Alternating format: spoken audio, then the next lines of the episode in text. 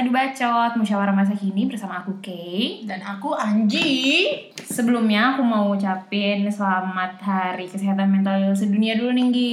Yap, benar. Biarpun udah lewat Beberapa hari. berbelas hari. oh iya, iya oke. Tapi aku tetap mau ngucapin karena sebagai Anak muda. saya anak muda dan kebetulan saya anak psikologi ya. Oh, Jadi iya. kan harus lebih sadar gitu. Betapa pentingnya kesehatan mental buat kita semua.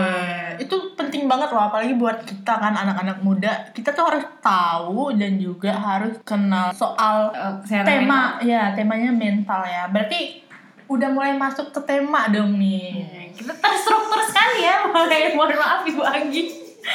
terstruktur sekali pembicaraan.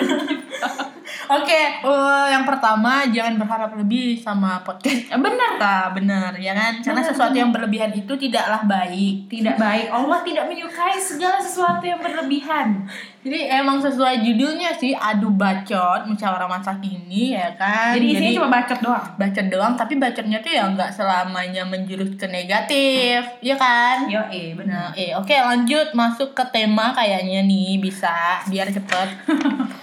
Mau ngebahas apa, Kay? Eh, kan tadi aku udah di awal udah nyinggung nih. Selamat Selamat apaan? Baru juga berapa menit?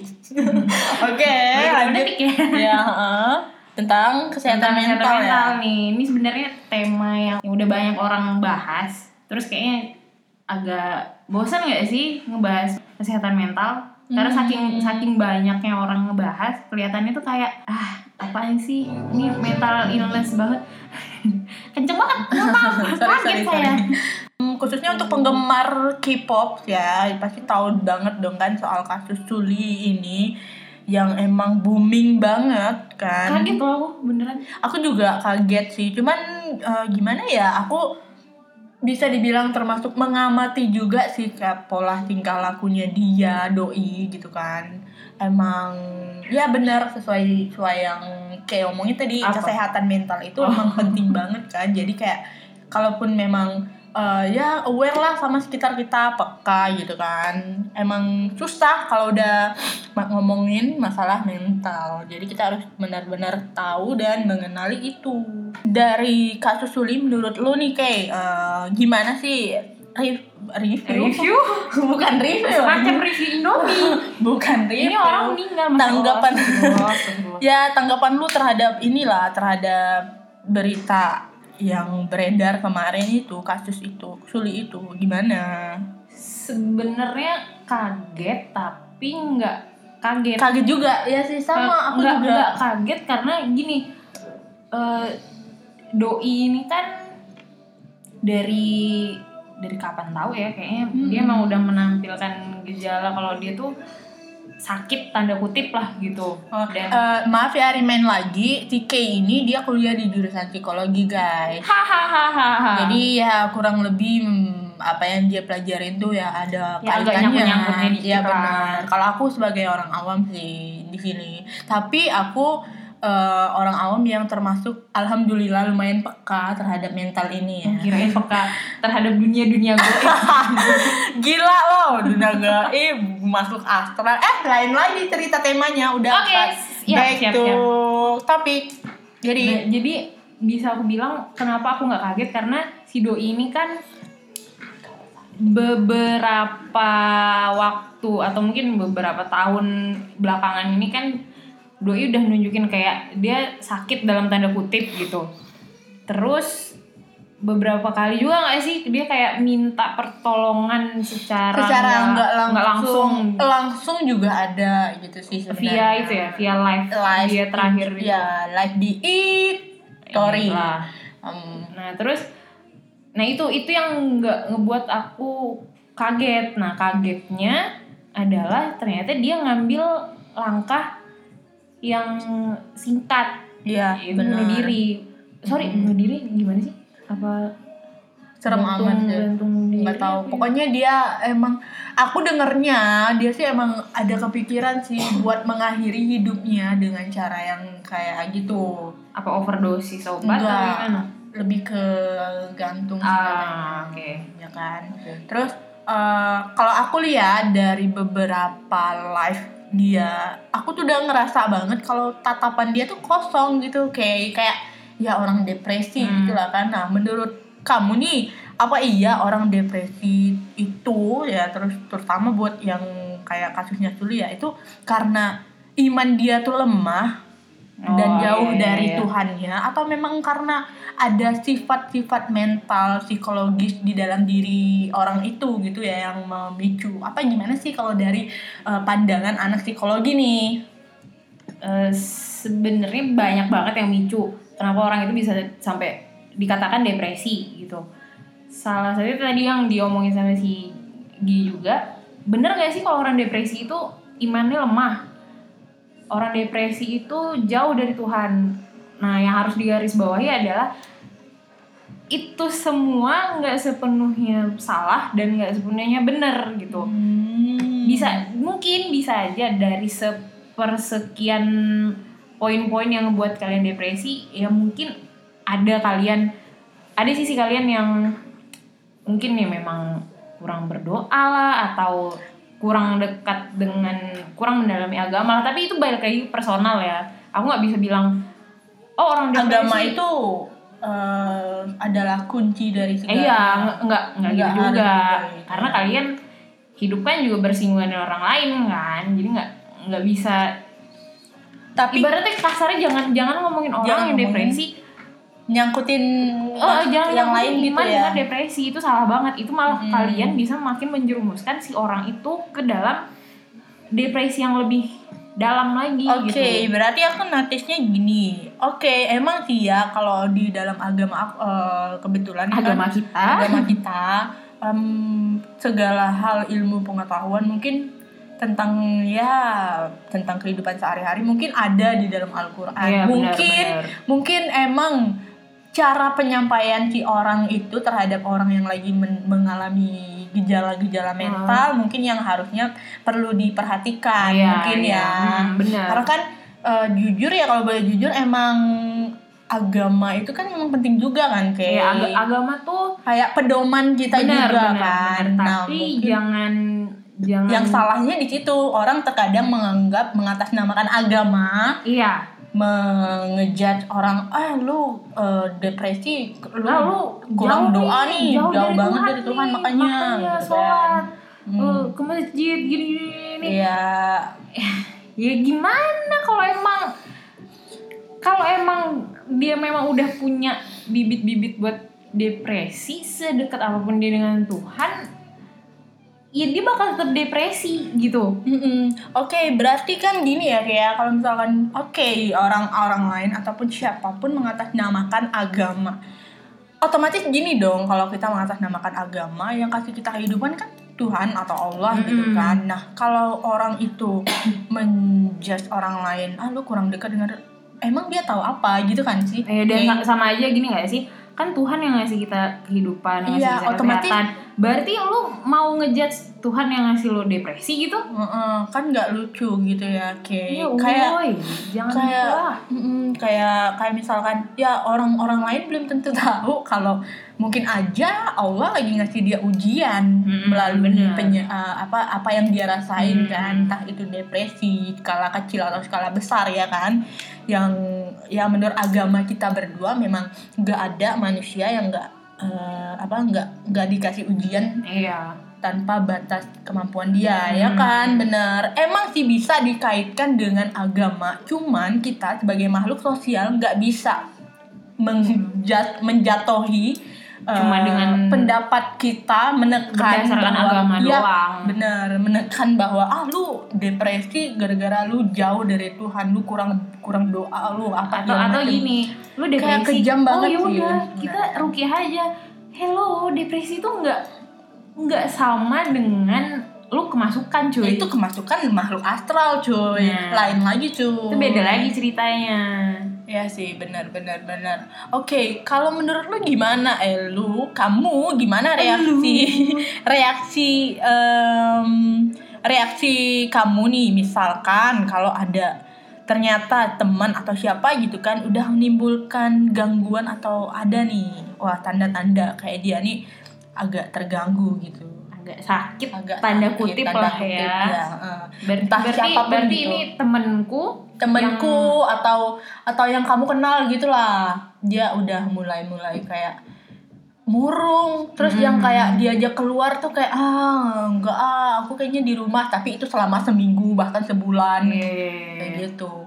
Itu kan berarti kalau dari sudut anak psikologi kan udah kelihatan dong tanda-tandanya ya enggak sih rada berat ya kalau mengatasnamakan anak psikologi ya. Ntar saya dijudge. Kimsi lagi mati saya. Nggak apa-apa kan ini eh, sebagai eh, apa ya pendapat pribadi kita Iya, terutama bener, bener, bener. Kay dari anak psikologi dan aku eh, Anggi sebagai orang awamnya lah yang pengen tahu sih apa sih sebenarnya mental health itu gitu. Kalau dari aku ya jujur kalau misalnya ada temenku salah satu temenku lah yang kelihatannya dia murung atau nggak mau keluar dari kamar gitu kan. Atau nggak mau diajak keluar lah gitu dalam waktu tertentu. Pertama jangan main judge kalau oh nih anak stres. Oh nih anak eh, punya gangguan gangguan Iya, oh, nih anak aneh gitu ya. Hmm, oh nih anak eh, langsung depresi. Wah itu gila sih. Oh nih anak skizofren wah jahat sih itu Mm-mm. yang pasti kalau misalnya kita ngelihat teman kita murung jangan jangan ambil Kesimpulan. iya kesimpulan langsung oh karena aku anak psikologi jadi kesimpulannya harus psikologi banget nih nggak usah kayak gitu juga ya kita ngeliat teman kita lagi susah lagi murung oh berarti nih anak ada masalah gitu Hmm. kita tanya kalau memang kita bisa langsung ngajak ngobrol si orang itu ya Mm-mm. ya ya lu ngapain selama ini di kamar gitu kan? Kenapa nggak kenapa nggak keluar? Kenapa susah dihubungin? Bla bla bla bla bla. Kita bisa tanya ke itu dulu. Jangan langsung misalnya kita mau peduli nih sama dia. Kita tanya kan wah lu berapa hari ini nggak keluar kamar? Eh, karena ini Iya, aku kan iya, dulu iya, ngekos ya jadi Oh kamar-kamar gitu agak-agak nyambung juga nih kan Mm-mm. pengalaman pribadi. Ya Iya, mohon dikit. maaf. Jadi ya ditanya dulu lah gitu. Jangan langsung nanya To "Eh, the lu, point. wah lu sakit nih. Lu depresi ya. Wah, itu yang tadi yang nggak Jangan depresi. lama-lama lu gitu kan Itu ya. yang tadi yang nggak depresi bisa depresi, cuy. Gara-gara lu ngomong kayak gitu, dia bisa mikir yang aneh-aneh bisa ngebuat orang itu mikir oh iya apa gue depresi ya apa gue stres ya oh iya gini gini makin sakit tuh orang makin nambah masalahnya Iya sih, bener sih. Kalau kalau apa dari aku juga kan, misalkan kita tuh punya temen yang paham banget soal psikologi atau mental gitu kan. Ya sebagai orang yang membutuhkan pertolongan kita tuh memang butuh banget loh orang-orang yang tahu betul tuh kasih tahu kita gitu kan. Mm-mm. Nah, jadi emang yang nggak ada salahnya juga sih kalau mau tanya ke siapa pun gitu kan. Atau ya Mm-mm. minimal jangan dipendam sendiri Yo, gitu ya kan. benar, benar. Ah, atau kalau memang aku punya temen nih, dia itu bisa sebulan sampai insomnia gitu kayak kayak Hmm. nggak bisa tidur jam 2, jam 3 itu paling awal menurut dia tidur. wow Wow banget Wow. gak sih? Itu sebulan loh, kayak beneran sebulan.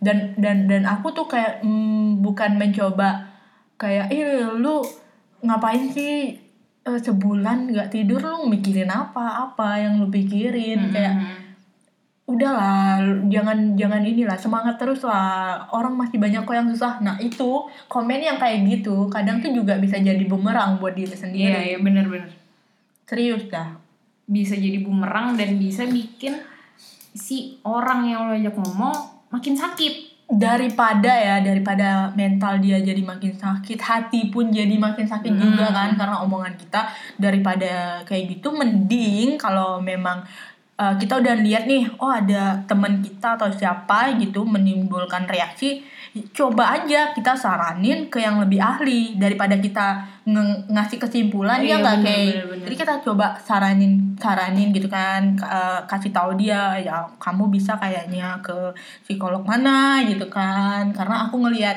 eh, kamu susah banget kayaknya tidur insomnia kayak kayak, kayak gitu Hmm. daripada ngejudge langsung lu insomnia ngapain sih mikirin apa coba kayak gitu kan sakit juga Iya. dengarnya ya kan kayak benar sih kalau menurut aku sih nggak ada salahnya Mm-mm. pergi ke yang lebih ahli ke psikolog atau Nah, psikiater nah itu kan tadi ya kan kalau kita punya temen berarti kan si orang lain itu yang Hmm. yang sakit tanda kutip gitu Mm-mm. kita ya kita bisa ngomong kita saranin kita saranin ke si ini ke psikolog ini ini ini ini kita tanya gitu kan. Sekarang kita buat kebalikannya gimana kalau kita yang sakit? Nah, mulai dari Ayu dulu deh. Hmm. gimana kalau lo yang misalnya gue yang ada gangguan oke gitu oke ya. Apa yang bakal lo lakuin? Kalau kalau sesuai dengan tema kita kali ini kan mental health kan. Kalau menurut aku nggak ada salahnya sih ke psikolog biarpun nggak ya kita nggak ngerasain sakit atau gimana. Karena apa? Karena kesehatan mental itu ya penting juga bro buat Hmm. orang orang orang sekitar awam. Biarpun dia nggak ngalamin tapi kan ya mana tahu temannya atau ada keluarganya gitu kan. Ya kita wajib Yep. tahu gitu. Hmm. jadi emang nggak ada salahnya sih ke psikolog juga. Kebetulan aku juga dulu dulu tiga bulan empat bulan yang lalu pernah sih ke psikolog jadi kayak hmm, yang yang gue yang aku rasain di psikolog kayak biasa aja sih kayak ketemu teman nggak nggak ada rasa Nggak ada horor sih, gimana kayak- gimana gitu ya? kayak ya kayak kita hangout gitu loh. Bikin bikin kapok nggak sih? Enggak sih malah kayak ya kayak kamu kayak kamu ketemu sama teman kamu nih yang tahu betul kamu tuh ngapain eh tahu betul masalah kamu apa Mm, Terus setelah setelah kan diceritain iya ya setelah diceritain terus kamu ngerasa ya agak lega kamu nyeritain terus si si ahlinya atau si psikolognya pastilah kan punya metode-metode Hmm. buat ya setidaknya nggak nyelesain masalah tapi Ya, seenggaknya lah. memberi Ya. feedback dengan yang lebih terstruktur Iya gitu bener jadi seenggaknya kadang nih kadang nih kayak Hmm. dalam kasus kita cerita sama temen temen tuh cuman oh iya iya aja ya nggak sih oh ya udah Mm-mm. lakuin nah aja Nah, kalau ke Hmm. kalau ke psikolog itu tuh kalian tuh benar-benar kalian cerita apa yang kalian resahin, apa yang kalian eh, risaukan, apa yang jadi beban pikiran kalian, kalian cerita bener-bener cerita kayak teman biasa, kayak teman deket. Nah, nanti di situ psikolognya kayak ngasih gambaran kayak bener-bener dikasih gambaran yang terstruktur sesuai metode. Terus kita juga dikasih eh, gimana cara ngatasin misalkan nih kalau aku kayak insomnia juga aku pernah aku pernah kayak Hmm. cuman kayak seminggu gitu eh, tidur jam satu itu paling awal kan nah, aku Mantap. dikasih iya benar jadi di situ penjelasannya ada Hmm. menurut psikolog tuh ada kenapa aku bisa tidur itu baru jam satu ada dan ternyata itu berhubungan sama aktivitas otak. Nah, masuk ke ilmu kan. Jadi nggak ada salahnya kalau kita pergi ke psikolog karena itu peny- eh, mental itu juga berhubungan dengan fisik kita. Sama aja kalau misalkan kita demam, batuk, flu, pengen berobat ke dokter ya sama kayak gitu. Kalau mental juga. tapi kan buat beberapa orang nih ada yang buat ngomongin apa yang dirasain ke orang lain yang beneran Hmm. asing tuh kayak eh, susah banget Susah banget ya sih. ya kan Mm-mm. Karena kalau kalau kayak gitu makanya eh, butuh konsul berkali-kali. Nggak cuman sekali doang dateng udah selesai permasalahannya enggak. Dan eh, aku juga tekanin di sini kalau kita ke psikolog itu juga jangan berharap oh masalah bakalan selesai. Oh nggak bakalan depresi. oh enggak ya sih dan, dan dan jangan Enggak berharap kalau psikolognya tuh bakal ngasih jalan keluar enggak, karena enggak. bukan itu tugas psikolog bukan maaf yang tuh yang jadi tugas psikolog adalah membantu kita buat Iya. mencari jalan keluar versi kita benar benar Kayak psikolog gitu. itu kayak cuman menuntun doang Hmm. Oh, ternyata masalah kamu nih ini. Oh, oke, ini dia jalannya ke sini ke sini ke sini, ke sini. kayak- sampai oh kamu ke solusi yang kamu butuhin. Hmm, jadi kayak aku nyambung lagi kan kayak kamu tuh nggak bisa tidur jam jam sampai jam satu itu karena gelombang aktivitas otak kamu tuh tinggi banget.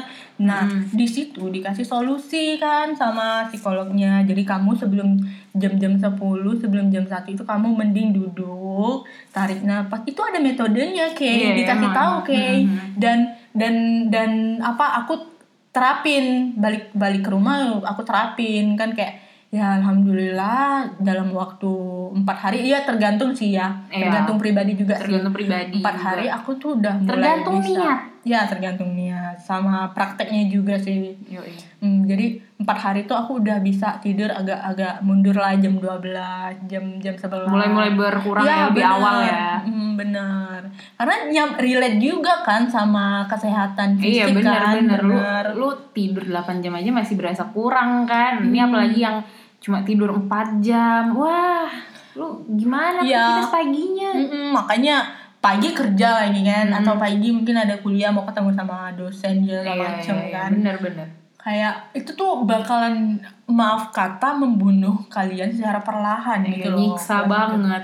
gitu. Nyiksa, banget, kan. Karena hubungan kesehatan mental itu kaitannya erat banget dengan kesehatan fisik kita juga. Iya, Makanya sesuai dengan tema kita kali ini Ibu adalah kan tema Iya, sekali ya. bener pentingnya kesehatan mental karena aku tuh menyadari banget ya kayak akhir-akhir ini orang nggak di real life ataupun di media sosial tuh menyinggung soal depresi, stres, Iya. suicide Hmm, hmm, hmm. dan lain-lain kayak kayak ini udah masalah serius banget gitu loh. Either itu dia menjudge diri dia si pesakitan atau dia sebenarnya mau nolong. Hmm. Tapi pertanyaannya adalah banyak sih ya banyak Iya, golongan banyak, banyak banget banyak golongannya. banget golongannya. either dia mau ngasih tahu ke orang, "Weh, ini loh gue depresi" atau dia sebenarnya mau nolong, tapi nolongnya bener apa enggak? Oke, kita Nah. keep dulu Yo eh, kita istirahat dulu mau minum dulu sebentar oke sambil Oke, baiklah, kita- dengar kita dengar istirahat lagu dulu. ya. ini berasa radio iya kan beneran. beneran Beneran, oke beneran. bye kembali lagi di adu bacot nanti ya Nah, setelah udah minum ya udah udah sudah lepas dahaga. Mohon maaf tadi saya ngobrol sampai mana? Oh ini yang orang mau nolong tapi sok-sokan gitu enggak. Eh, enggak gini. Kadang kan ada orang yang dia memang tulus nolong sama kepo aja. kepo aja atau malah nolongnya setengah hati. Nah yang lebih sakit nih nolongnya setengah hati doang. Sakitnya gimana? Sakitnya tuh di sini. Di sini. Nah itu tuh gimana tuh kasusnya tuh? Kasusnya sebutlah salah satu temanku. Si mawar. Ya mawar. Nah dia ini kebetulan eh, mengalami gangguan. Gangguan makhluk halus kan gangguan mental dong nih. Kan lagi ngomongin kesehatan mental.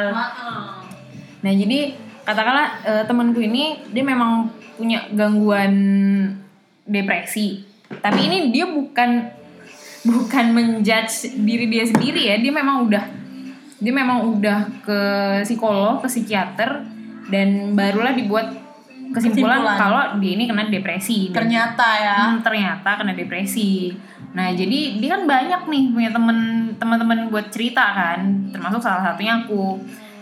Eh, aku sebagai anak psikologi dan juga sebagai sahabat dia dari SD, bayangin sahabat dari SD, SD udah berapa belas tahun kan kami temenan. ya Jadi aku ngerasa aku harus nolong, aku harus nolong dia biarpun sebatas dengerin dia cerita. Hmm, tidaknya lega Iya, ya, ngeluarin doang biar- gitu kan. ah, batuk. Biarpun nggak bisa nolong banyak seenggaknya dia punya tempat untuk curhat gitu. Nah ada satu masa dia cerita ke aku.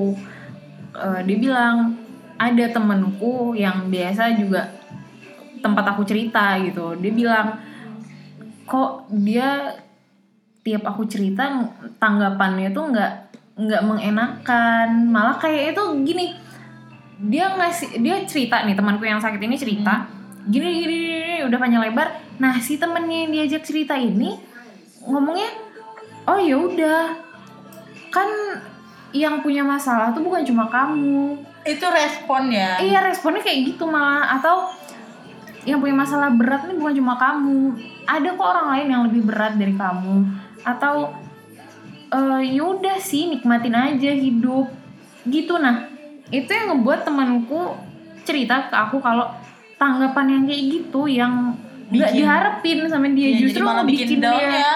iya bikin dia down banget. Sampai akhirnya dia sempat kumat lagi. Hmm. Nah, karena depresi ini apa Agak- kumat-kumatan. ya agak riskan juga ya kalau nggak Iya. cepat diatasi kan Dan jenis depresi ini kan banyak. Kebetulan temanku ini depresinya yang harus sampai minum obat. wow berarti itu udah nggak Udah nggak bisa ditolong dengan cara manual ya bisa cuman dari orangnya sendiri loh kalau manual karena aku juga berdasarkan um, aku ke psikolog itu memang psikolognya bilang ada dua cara kan kayak Mm-mm. manual sama yang minum obat dan kebetulan Iya. alhamdulillah aku manual itu masih bisa ya, karena karena itu Heeh. bukan depresi kan. Iya, karena itu emang gejala depresi, gejala loh, Masih gejala masih awal loh. gejala. Gejala awal yang kalau aku nggak bisa atasin ya bakalan jadi depresi juga kan bahaya. Mhm. Nah, kalau yang obat ini jadi emang gini eh, sobat-sobat adu bacot, kalau yang Sobat. udah sampai kalau udah sampai ke obat ke apa penggunaan obat caranya untuk ini itu kita udah nggak sadar, guys. Itu Kita udah, udah- udah sampai Di luar kemampuan kontrol kita buat Iya. tahan aku nggak bisa loh kayak gini aku nggak boleh kayak gini temen itu udah nggak bisa sampai beneran susah loh sampai ya nggak sih udah halu Hmm, kan halu terus udah mulai bukan udah mulai. Tapi halunya bukan halu opa-opa kan ya? Ya kan ya mohon maaf nih jangan salah fokus. Oke. Halu pokoknya halusinasi yang udah ya, kayak udah akut itulah. banget kayaknya terus udah ketergantungan sama rokok. Wow. Udah sampai ke tahap yang dia pernah minum panadol panadol merek ya? Ya udah Merek. sebut saja panadol ya. Kampret minum minum aja obat Eh, pereda minum. sakit pereda nyeri. Susah. Enaknya nyebut panadol memang. Panadol. Mohon maaf ya panadol. Dia udah sampai minum panadol 20 butir. Udah sampai overdosis. Sumpah. Sumpah udah- Beneran? beneran. Dan itu posisi dia bukan nggak lagi di rumah. Karena dia kan juga kuliah di luar jadi posisinya dia lagi di luar kebetulan itu dia lagi di rumah tantenya apa omnya gitu. Jadi- berat banget ya ngelawan itu semua iya udah sampai 20 panadol bayangin woi. Satu panadol aja gue udah mudeng. Eh, udah muda maksudnya udah paham. Maksudnya mudengnya ya ya tepar Udah- gitu udah- kan tidur. Iya satu Tapi pusingnya satu tuh- membuat sembuh Iya. 20 membuat mati 20 membuat mati iya cuy. sampai sampai berbusa oh my dibawa ke. UGD jadi harus di apa apa ya? Bersihin iya dibersihin perutnya lambungnya. sampai kayak gitu sampai udah ngiris ini oh my god so apa tangan urat nadi itu dia beberapa kali ngefotoin ke aku terus juga kita kita ngelihat itu respon kita kayak aku sedih takut banget jujur. ya kan? aku takut dan sedih. Iya sih. Pertama karena pertama kali dia ngasih tahu eh, dia ngechat kan aku ke psikolog aku ke psikiater kesimpulan dari mereka aku kena depresi psikotik. Nah kalau depresi psikotik itu memang harus itu minum obat. banget. itu memang harus minum obat. Benar. nggak nggak bisa cuma konsul-konsul ke psikolog. Udah nggak- nggak bisa. Memang harus ke psikiater. Hmm. Aku jujur sedih. Dan beberapa kali dia ngechat gitu kan aku kumat lagi nih. Eh, terus dia sampai ngefotoin tangannya itu yang disayat itu sama dia. Mm-mm. aku takut jujur karena aku nggak suka eh, apa takut gitu loh sama luka yang di bagian situ. Dan juga sedih gak sih kalau temen itu temen deket sahabat kalian yang kalian anggap kakak kayak gitu. Sedangkan kalian posisinya nggak ada di samping dia nggak bisa yang ya Tidaknya meluk kayak meluk, kayak kayak atau apa ya. langsung ngajak ngobrol tuh nggak bisa nah kayak sentuh sedih. langsung gitu ya iya sedihnya tuh berkali-kali lipat cuy Mm-mm. Itu Nah, kalau boleh tahu, kalau boleh tahu ya keseharian dia tuh kayak gimana sih? Apa gini? Maksud aku gini, Hmm. kan kalau biasanya orang yang punya gangguan itu kan dia ngejalanin hidupnya di tengah-tengah entah itu tuntutan dia untuk kerja atau Iya, iya, kuliah iya, benar-benar. atau tekanan yang lain-lain di lingkungan Mhm. dia itu gimana keseharian dia apa apakah dia tetap ya senormalnya aja entah kuliah kerja apa Iya, iya, gimana iya. gimana sih kayak kayak Suli itu kan Hmm. biarpun dia udah oh iya benar ya Benar. kan dia, Iya, dia sebelum sehari sebelum dia ditemukan di rumahnya itu kan Oh.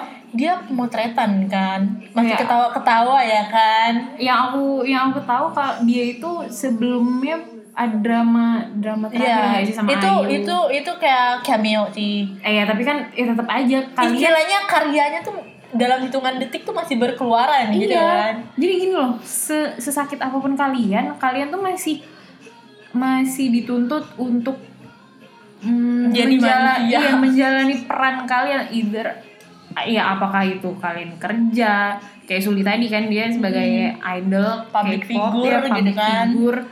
dia masih harus kerja masih harus pemotretan segala berarti itu berat banget ya, Ya, kan kayak bayangin aja belum lagi tuntutan lingkungannya Iya, kayak nah, keseharian dia kalau kalau temanku ini kebetulan eh, masih kuliah kan Hmm. nih seharusnya udah lulus harus karena karena seangkatan sama kita kan Mm-mm. cuma karena sakitnya ini jadi dia memang harus berhenti dan gimana eh, bukan bukan harus berhenti sih dia memang udah nggak bisa dulu ya Mm-mm. kalinya kayaknya karena fokus. karena kondisi kondisi dia yang kayak gini dia nggak bisa nggak bisa dan Hmm. itu mengharuskan dia untuk berhenti dulu Mm-mm. nah Mm. itu dia bilang ke aku kalau sebenarnya dia struggle. Mm-mm. eh, tapi itu dengan- dari luar orang mungkin ngelihatnya kayak dia nggak ada apa-apa iya kayak biasa bener, aja bener, kalian. bener bener. Karena karena ini sakit bukan sakit fisik bukan kalian muka di luar jatuh gitu kan Mm-mm. kelihatan luka. Ini nih sakit di pikiran kalian di otak kalian lah gitu ibaratnya. Kalau mau di mau di, di Dan- ibaratkan Ya, gitu dan kalau dibiarin lama-lama nggak dicari solusinya ya bakalan kena juga Iya. fisiknya ya Nah, kan. jadi temanku ini struggle sampai dia tahu Berapa kalau- lama kayak kalau dia itu depresi psikotik setahun setahun dia berjuang. tahun bayangin setahun dia struggle Kalau sekarang gimana keadaannya? Em, masih Tapi Masih. ada yang berkurang nggak? Apa dari segi apa gitu? Untuk Untuk dia menerima. Untuk gini ya untuk penyembuhan depresi itu setahu aku nggak nggak cukup Iya sih, sebulan sebulan gitu juga kan ya cukup.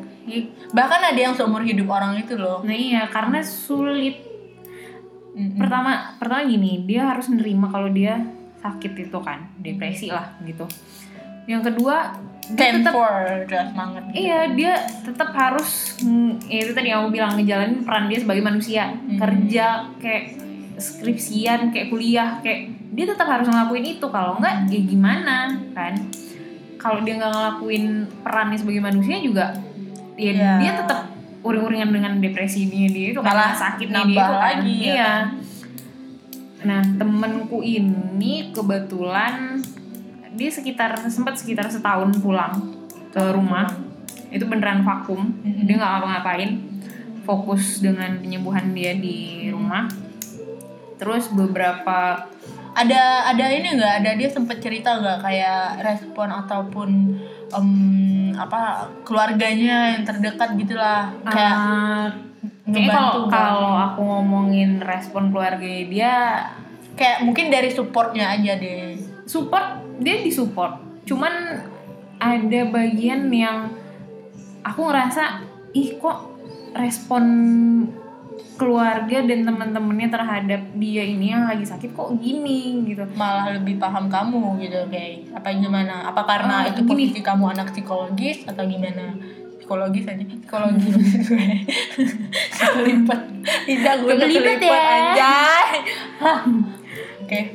Karena ini temanku teman dekatku Hmm. yang ngalamin jadi aku nggak mau memposisikan diri aku sebagai anak psikologi aku simpati lah ya empati juga Aku- gede banget dibanding aku dia. memposisikan diri aku sendiri memang bener-bener temen dia sahabat dia tanpa Oke. tanpa ada embel-embel anak psikologi teorinya begini harusnya begini gini gini ini enggak jadi aku murni kalau dia cerita aku memposisikan diri sebagai temen Hmm. Karena aku takut aku justru ngejudge dia Iya sih bener nah jadi respon keluarganya dia ini dan teman-temannya yang lain justru sebenarnya nggak enak nih minder bukan Da- Kayak, keluarga "Kenapa?" keluarga, gitu. keluarga dia tahu Mhm. terus keluarganya ngerespon apa yang kita omongin di awal tadi Oh my god. orang Padahal depresi itu orang depresi big itu iya orang depresi itu terbesar loh. kurang iman kurang Oh. dekat sama Tuhan itu yang dia dapat Iya sih susah. terus dia bilang ke aku responnya kayak gitu wah kacau nih Mm-mm. the biggest support dia tuh responnya justru kayak gitu Iya kan. bingung gak sih Mm. Ntar malah dibawa ke rukiah kan gak nyambung cuy. iya ujung-ujungnya tuh Tuhan lagi Tuhan lagi Tuhan lagi oh my god please deh nggak nggak selamanya iya semua semua solusi itu ada di agama cuman jangan jangan cuma dilihat dari agama dong Ya kayak tolong. kayak cari juga lo sisi kesehatan secara medis ya nggak sih? iya. Ya kan. kayak oh my god udah makanya aku bingung makanya aku nanya keseharian dia apakah mungkin dari luar itu dia terlihat ya segar-segar aja Oh, atau enggak, fresh-fresh enggak, aja. Karena depresi ini udah ngeganggu jadwal tidur kurus dia. dia kayak dia kurus dia nggak kurus sih dia nggak kurus alhamdulillah dia nggak kurus fisik mungkin apa ada perubahan dari Lemes fisiknya sih. lemes. Nah, Lemes seharusnya ya kan kalau sebagai orang keluar eh, terdekat, kalau udah ngelihat fisik udah nggak berubah kan harusnya mikir dong kenapa gitu kan ya kan? Iya. Secara secara medis ada apa? Nggak makan tapi nggak juga gitu kan tiap Mm-mm. hari masak di rumah gitu kan? Pasti harusnya mikir juga kan dari sisi medisnya.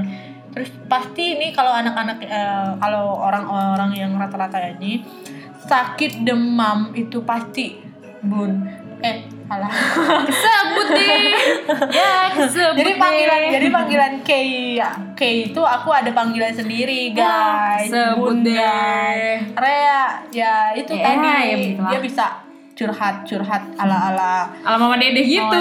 Gitu oke lanjut. Jadi kalau aku nih ada komen terbaru juga Apa tuh? di Instagram. Bener kalau orang yang dari luar kelihatan baik-baik aja bahkan kayak ketawa-ketawa aja terus di komen gini loh kok bisa depresi? Dia kan ketawa-ketawa. Iya. kok bisa sih depresi? Kayak kayak nggak nyangka loh kayaknya. Hmm, hmm, hmm. aneh gitu loh. Kayak lu tuh nggak tahu kalau misalkan dia ketawa tuh itu tuh cuman kamuflase dia Iya. tutupin aja ya kan? Ada loh orang yang selucu itu nggak menyangka kalau orang yang penuh de- hidupnya Itu- penuh itu- dengan itu- tawa. itu bukan itu, itu baik-baik aja gitu. bukan lucu sih komentar-komentar gitu. Itu tuh jahat sebenarnya. Hmm. yang terjadi sama Suli itu Iya, oke. itu. bener numpuk numpuk numpuk numpuk. Mm-mm. akhirnya ya sampai ujung-ujungnya kalian jalan pintas kayak gitu Eh, kan komen-komen yang penuh setelah Suli pergi malah nyemangatin telat. ya orangnya udah nggak ada woi sama aja bohong lu ngomong udara apa gimana Ada. Oke. Gua Tapi kalau dilihat sih ya dari dari Jatuh tuh.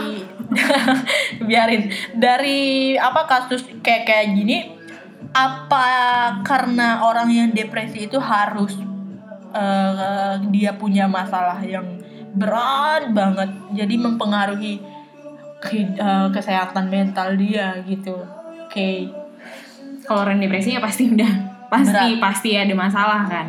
Masalahnya tuh masalah berat banget. Karena kan berat dan numpuk. Berat dan numpuk kayak nggak ada eh, apa Kayak- kayak solusi jalan keluar. jalan keluarnya Oh. kayak gitu ya. Dan itu terus numpuk numpuk numpuk numpuk terus sampailah Hmm. seingatku seingatku depresi itu bisa dicapai anjir dicapai dicapai ntar orang-orang pada minat depresi lagi Hmm. gini eh nggak tahu aku udah ngomong apa belum depresi itu nggak segampang nggak segampang itu buat Di- buat orang dikatakan depresi gitu Hmm. jadi dia stres dulu stres numpuk. Oh iya bener. Psikolog, Iya kan? psikolog, psikolog aku juga kayak ngejelasin pakai gambar gitu. Nah, nggak berarti- langsung berarti depresi berarti gue kuliah bener Roy.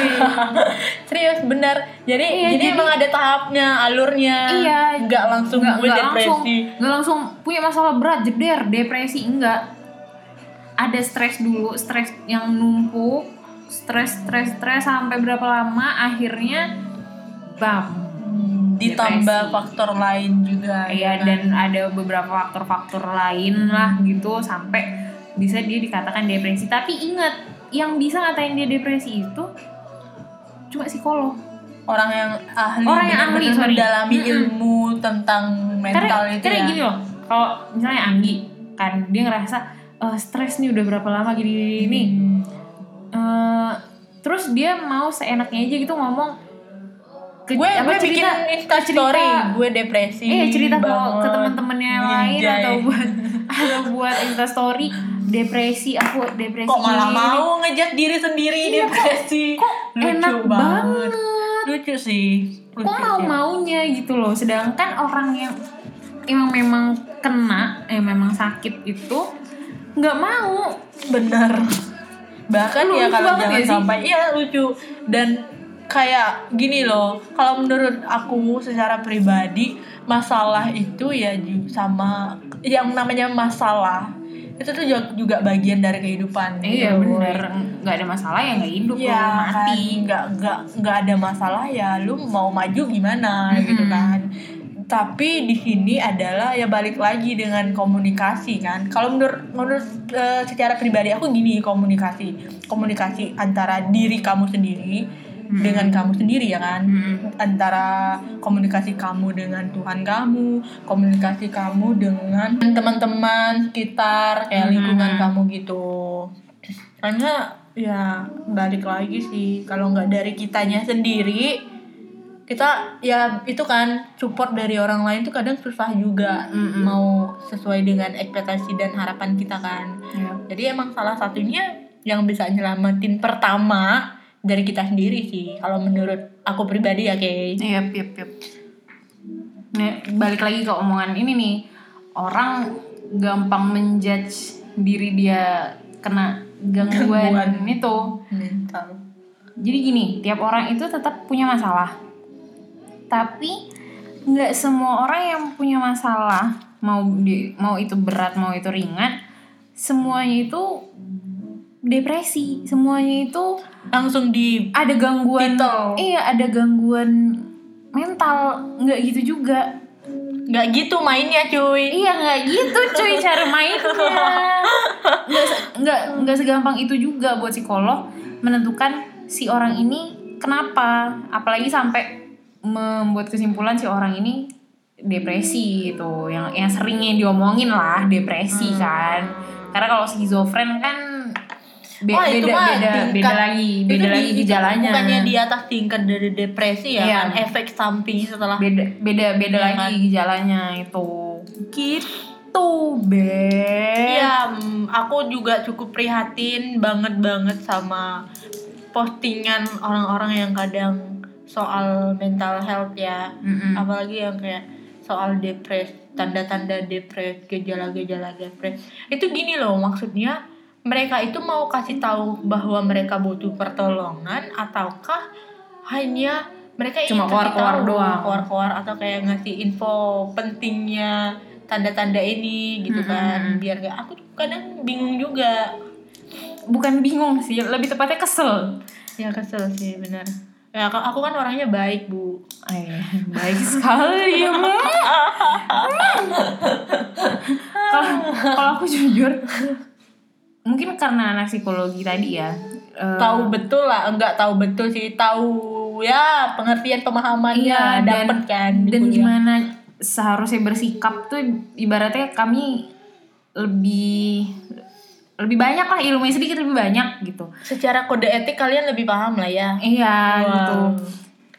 Jadi kadang ya ada lah beberapa temen di bukan temen temen sih. lagi banyak temen lu. Iya. bagi gue dong. Jangan nanti berkurang. Ya ada beberapa orang di Instagram. Tuh ngepost instastory eh soal depresi. Depresi tuh gini gini gini bla bla bla bla bla. Yang itu aku nggak tahu si orang ini secara mendalam kecuali teman aku tadi ya. Kalau teman aku ngebuat instastory dia bukan bukan lagi nge-upload soal depresi itu apa orang yang depresi itu bisa bagaimana eh, gejalanya apa aja. Dia nggak kayak gitu. Dia kalau dong? Jadi kalau misalnya dia lagi kumat katakanlah kumat ya depresinya. Alhamdulillahirobbilalamin alhamdulillah. Kumat ya. Ya katakanlah kumat depresinya dia tuh bakal nulisin isi hati dia. Ke diary. Enggak. Eh, karena kebetulan ada instastory kan. Oh. Jadi udah gila tua amat. Old banget mainan gue diary. SD diary anjay. Karena kebetulan ada ada instastory kan. Nah jadi dia langsung nulis di instastory biar orang yang yang ngeliat ngebaca perhatian juga yang gitu. membuat depresi dia kumat bisa ngelihat gitu. Harapan dia kayak harapan gitu. dia kayak gitu biar orang-orang tuh bukan lagi orang-orang tahu dia depresi malah malah supaya orang tuh bisa nolong dia hmm, itu dari temanku yang memang depresi nah kalau orang-orang lainnya aku nggak tahu kadang ngepostnya depresi eh eh, gini gini gini gini gejalanya adalah ini ini ini. Ya emang gue peduli woi. Ya enggak. Hmm. berarti balik lagi kan bener. Kayak cara cara penyampaian kan komunikasi kan. Iya. salah banget kalau misalnya tujuan lo buat butuh pertolongan lu malah eh kayak lu, gitu kan? lu nyari pertolongan apa nyari perhatian? Gitu aja. Ah mulai Gampang- kesal dia. gampangnya gitu. Kay mulai kesal guys Nih intinya sih gini, kalau memang kalian kalian ngerasa ada sesuatu yang mengganggu yang mengganggu yang memang kalian. yang memang itu udah udah berat banget kalian ngerasa dan kalian mau tahu sebenarnya ada apa sih iya ada apa sih sampai ke gangguan yang eh depresi enggak sih sampai gue tidur seha apa dalam seminggu ya, tiga terganggu. jam iya dua jam gitu. doang kan Mendi- mendingan memang langsung datang ke yang Orang paham. yang ahli. ahli ya gitu atau ahli menangani atau sebelumnya cerita dulu ke teman terdekat benar-benar teman yang bisa dipercaya Iya, banget apakah- yang kenal kalian apakah luar dalam orang ya. tua atau ya mungkin kalau misalnya susah buat ngobrol sama orang tua karena ini takutnya kan ngebebani Oke. orang tua kan Eh, tapi gini Kay, ada juga sekarang apalagi sekarang ini orang kadang ngerasa dia tuh sendiri doang Kay. wah itu salah Nah, jadi nih misalkan nih kan kayak eh, dia belum tentu cerita, dia belum cerita, tapi dia udah ngerasa dunia ini nggak nggak tahu aku ada, dunia ini nggak ada yang peduli. Bahkan orang tua aku sendiri nggak kenal aku gimana, aku mau ngapain. Ada loh, jangan salah.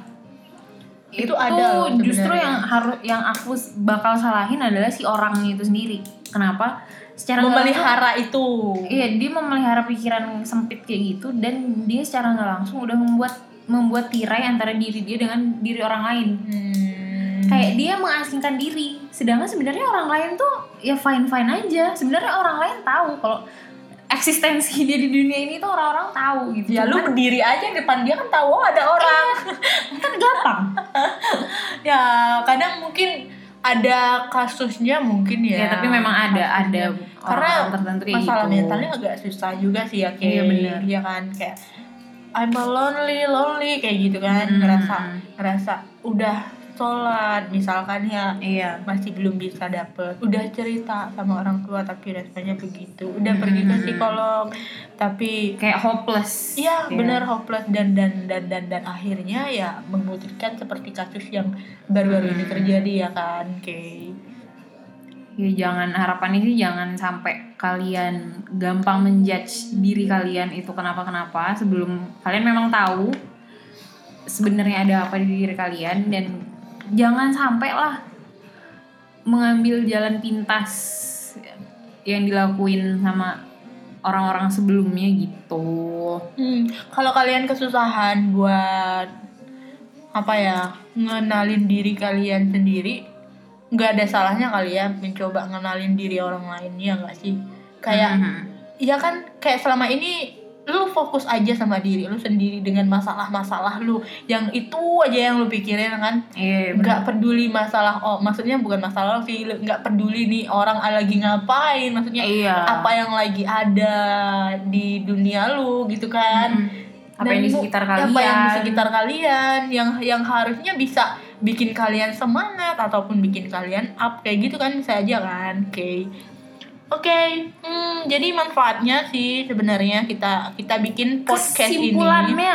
Kesimpulannya bukan bermaksud menggurui Enggak. enggak. No bukan bermaksud juga eh, menyuruh memaksa atau ya tanpa ada unsur unsur-unsur seperti itu ya kita jadi kita tidak memaksa Iya, jadi jadi intinya kita buat podcast ini ya salah satu em, cara kita juga eh, Menyampaikan. mengungkapkan ya menyampaikan apa yang kita rasakan terhadap lingkungan kita, Mm-mm. apa yang lagi Bener-bener. ada gitu kan, apa yang lagi terjadi di lingkungan kita gitu kan. Karena eh, kebetulan antara lingkungan K sama aku tuh hampir gitu kan, hampir, Hampir sama, sama. relate kayak problematikanya tuh ya ya relate banget gitu kan apalagi eh, aku tahu kayak ini anak psikologi jadi kebetulan banget Oh, kamu baru tahu ya? pas nggak aku kebetulannya tuh kayak pas menemukan momen oh ya udah buat podcast aja gitu kan kita Hmm, daripada gabut banget kan Iya, gabut banget. Jadi- biar kelihatan ada kerjaan Hmm, aja Tapi remind lagi loh yang kedua ini jangan berharap lebih terhadap Hmm. kita untuk menciptakan podcast dengan Sebuah- konten-konten setiap hari atau setiap minggu ya. Karena ini juga berdasarkan kemampuan dan mood. Iya nggak? benar sekali Oke, jadi Eh, bentar, bentar, oh, ambil gue kesimpulan mau dulu. kesimpulan lu yang kesimpulan Eh, aja. oke, gue nambahin baik, sama baik, gue mau quote. sok atau sok dah Kesimpulan dah. Iya, kesimpulan. dulu. Quote kan Kesimpulannya terakhir dulu, gini. sih?